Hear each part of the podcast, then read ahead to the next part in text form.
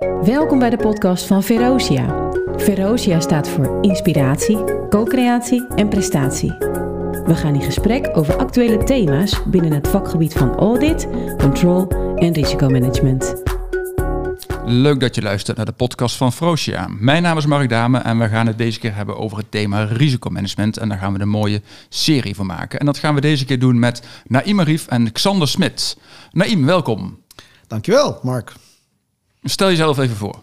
Ja, uh, wij kennen elkaar uh, hè, uh, al een tijdje. We hebben gezamenlijk verleden. Ja. ik ben ehm, een professional op het gebied van risk, control en audit. al nou, een jaar of 15 al betrokken bij het opleiden van auditors en, en controllers. En het laatste jaar ook accountants. Ik ben ook docent op Haagse Hogeschool in Nijrode. En daar mag ik onder andere studenten dingen vertellen over risicomanagement. Oké, gaaf. Nou, dan zijn we heel benieuwd naar jouw bijdrage vandaag. Um, Xander, ook ja. welkom. Ja, hoi Mark. Ja, Xander, um, ook ik uh, druk met allerlei interim opdrachten op het gebied van compliance, uh, soms audit, maar uh, vooral compliance en risk management. En ik geef les bij Avans Plus, ook in die vakken in uh, auditing, okay. compliance, uh, risk management en uh, ook veel controllers opleidingen. Oké, okay, dankjewel. Hey, we gaan het vandaag hebben, zoals gezegd, over risicomanagement. En daar gaan we een mooie serie van maken. Um, um, maar ja, ja, voordat we die inhoud induiken, misschien eerst maar eens even het hebben over het thema risicomanagement aan zich. Wat is dat eigenlijk? Ja, wat is risicomanagement? Uh, misschien is het aardig om eerst eens even stil te staan bij de herkomst van het woord risico. Oké, okay, ja. Mm-hmm. ja. Want mijn stelling is dat uh, als je de es tot essentie van een begrip wil komen, dan is dat heel aardig om je te verdiepen in de herkomst van het woord. Dat geeft meestal de essentie weer. En het woord risico is afkomstig van oud-Italiaans woord risicare. Oké. En dat betekent zoveel als durven. En dat, geeft, uh, uh, en dat is daar later geëvolueerd hè, tot risico. En uh, het is ook niet, geen toeval dat bijna in alle Germaanse en Romaanse talen het woord risico gewoon risico is gebleven. Risk of, of risk, zelfs in het Frans is het gewoon hetzelfde gebleven. En dat heeft dus iets te maken met ehm, doelen realiseren. Dat is voor mij de essentie. Dus elke menselijke doelgerichte activiteit uh, betekent automatisch dat er zaken zijn die je doel kunnen belemmeren of juist, juist je kunnen, sti kunnen stimuleren. stimuleren. Ja. Ja. Dus alle factoren uh, die je doelrealisatie beïnvloeden. Dat is eigenlijk een betere formulering. Um, ja, en organisaties zijn per definitie uh, entiteiten die doelen hebben. Ja. Anders heb je geen bestaansrecht. Dus uh, uh, organisatie betekent automatisch doelen. En dat betekent, dat impliceert dus automatisch ook risico's. Dus, dus daarmee ook eigenlijk dat elke organisatie in jouw optiek aan risicomanagement moet doen. Mijn stelling is dat elke organisatie aan risicomanagement doet. Ja, precies. Hoe en misschien al wel heeft, ze maar zeggen. Hè? Hoe impliciet ja. ook hoe in, hè, zelfs een eenmanszaak, doet ook aan risicomanagement. Misschien, ja. hè, misschien kent die meneer of mevrouw het hele woord risicomanagement niet.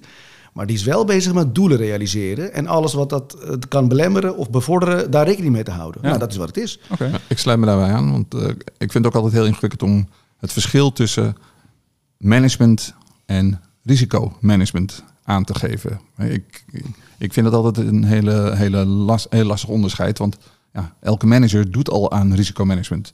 En ik heb wel eens in een training gezeten waar mensen heel geïrriteerd reageerden op ja, risico's, risico's, risico's. Um, en dat woord heb ik ook gewoon weggelaten. En dan uh, heb je het over belemmering op je doelrealisatie. Ja. Dus we willen allerlei dingen bereiken. Nou, en daar doen we allerlei dingen voor. En dat doen, dat is al. Uh, die hebben, uh, daar zit een achterliggende gedachte achter om te voorkomen dat iets anders gebeurt dan dat wat je wil bereiken. En dat wat anders gebeurt, dat kan je een risico noemen. Oké, okay, is dat dan ook de vraag, of het antwoord op de vraag van waarom we eigenlijk aan risicomanagement moeten, tussen haakjes, do moeten doen? Uh, nou, het, het, de waarom-vraag hangt samen met het feit dat er doelen zijn. Mm -hmm. En de weg naar de doelstelling uh, kan hobbels bevatten en kuilen bevatten. En dat is dan eh, wat wij risico's noemen. Eh, dus het, het, het managen van risico's, hè, het managen, hè, dat woord management betekent zoiets als dresseren, hè, iets naar jouw hand zetten. Ehm, ook een aardige etymologie trouwens. Eh, en het temmen van risico's, het risico's naar jouw hand zetten. Eh, sommige neem je bewust, sommige wil je juist uitbuiten, sommige risico's. Hè. We hebben zelfs een hele branche die leeft van risico's uitbuiten. Noemen we verzekeraars. Ja. Eh, en andere, die moet je proberen uit te sluiten. Eh, dus eh, risico's managen. eh, dus het terechte punt van collega Sander. Wat is het verschil met gewoon management? Misschien is risicomanagement eigenlijk gewoon management. Ja.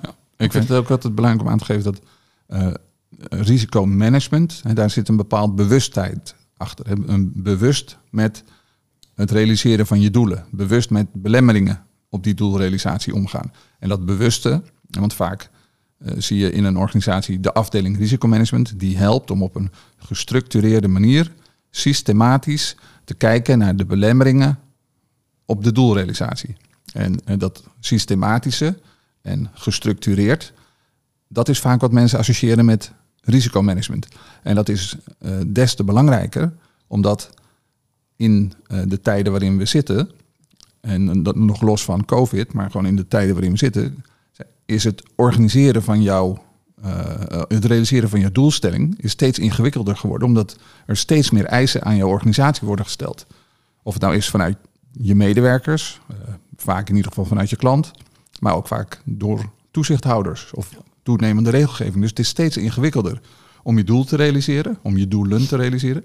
Dus is het ook heel belangrijk dat je op een systematische manier, gestructureerd kijkt naar, oké, waar moet ik allemaal rekening mee houden? Ja. Ja, b- een belangrijk punt wat je aanhaalt, Sander. Want je kunt risicomanagement doen, eh, terwijl dat voor een buitenstaander, een toezichthouder, een auditor, welke andere partij dan ook, niet zichtbaar is. Ja. Dus de vraag is, eh, eh, moet risicomanagement ook aantoonbaar zijn? Moet het expliciet gemaakt Moet het worden? expliciet gemaakt worden? of Ja. niet? Mijn stelling is, ook al is, is risicomanagement niet expliciet en zichtbaar voor een buitenstaander, ook. wil niet zeggen dat dat niet is. Nee. Nee, maar voor mij hoeft dat ook niet. Hè, Ik, ehm, ik, ik, ik ben ook eh, in een auditrol eh, eh, actief geweest. En ja, daar eindig je bijna elke zin met waar blijkt dat uit? Ja, precies. En dat hele element, dat is eh, fijn om verantwoording af te kunnen leggen. Maar het feit dat je als organisatie al succesvol bent en dat je als professional al succesvol bent, eh, dat, dat maakt dat je dus blijkbaar aan risicomanagement doet. ja, Voor jezelf, exact. of voor je team, of voor je afdeling, of voor je organisatie. Ja. En wanneer is het nou van belang om het expliciet te maken en wanneer nou niet? Nou, dat hangt heel erg af van de eisen, verwachtingen van de stakeholders. Als je stakeholders hebt, een toezichthouder. Noem eens voorbeelden. Een, eh, nou ja, een, eh, een branche waar eh, ontzettend veel eisen worden gesteld aan, aan toonbaarheid, is financiële sector. Mhm. En daar moet, om, waarom? Omdat het maatschappelijke belang veel te groot is. Maar zeg je nu. Naïm, sorry dat ik je onderbreek, hoor, maar zeg je nu dat het, dat het, ehm, het, het belang van de interne organisatie om risicomanagement expliciet te maken, is vooral extern gedreven? Dat is wel mijn waarneming. Ja? Oké. Ja, want eh, de, de En, wat, het- en wat vind je daarvan? Ehm, eh, eh, wat ik zelf daarvan vind, kijk, als de externe stakeholders dat eisen, dan moet ja, je dat dan doen. moet je. Hè? Dan moet je Ja, dat doen. ja. Eh, maar ik, ik, wat ik wel zie, is dat w- bepaalde lijnmanagers weerstand hebben tegen aantoonbare ris- risicomanagement. Van, om, omdat ze dingen, allerlei dingen vast moeten gaan leggen. Mhm. En daar zien ze niet altijd de zin van in. Nou, ik, zie, ik zie daar eigenlijk twee, eh, twee elementen in. hè. Ik bedoel, vanuit de toezichthouders natuurlijk eh, heel belangrijk. En dat, dat is het meest duidelijke voorbeeld hè, de- in de financiële dienstverlening of in, eh, eh, in, in, de, in de zorg. Eh, daar, daar wil je, ja, of het nou gaat om een nieuw, eh, een nieuw vaccin, daar wil je graag dat we als maatschappij gewaarborgd worden dat het allemaal op de goede manier verloopt. Dus daar zijn eh, diverse eisen vanuit de toezichthouders.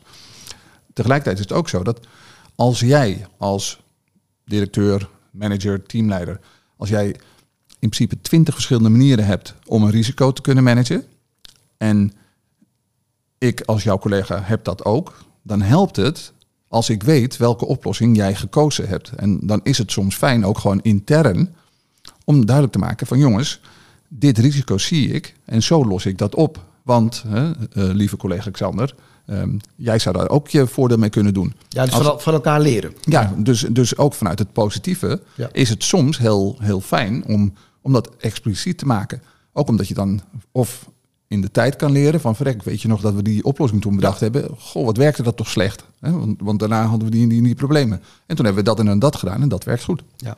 Ja, en, en nou ja, ik zou er nog op willen aanvullen. Hè. Ik, ik vind eigenlijk de, de belangrijkste driver om, eh, om als interne organisatie je risico expliciet te maken, is als je struggelt met het realiseren van je, van je doelen. Ja. Ja. Als je struggelt daarmee, dan is het juist goed om, om aan de voorkant na te denken over hey, wat, wat helpt nou of wat staat nou in de weg voor het realiseren van mijn doelen. En, en vooral, wat kan ik daaraan, daaraan doen? Ja. Dus naast die externe ehm, ehm, trigger eigenlijk, hè, vind, ik de, vind ik de interne trigger als blijkt dat je niet eh, wil realiseren wat je moet realiseren, hè, om het dan eens gewoon eens expliciet te maken. Ja. Eens, Mark, maar daar zit ook een paradox in.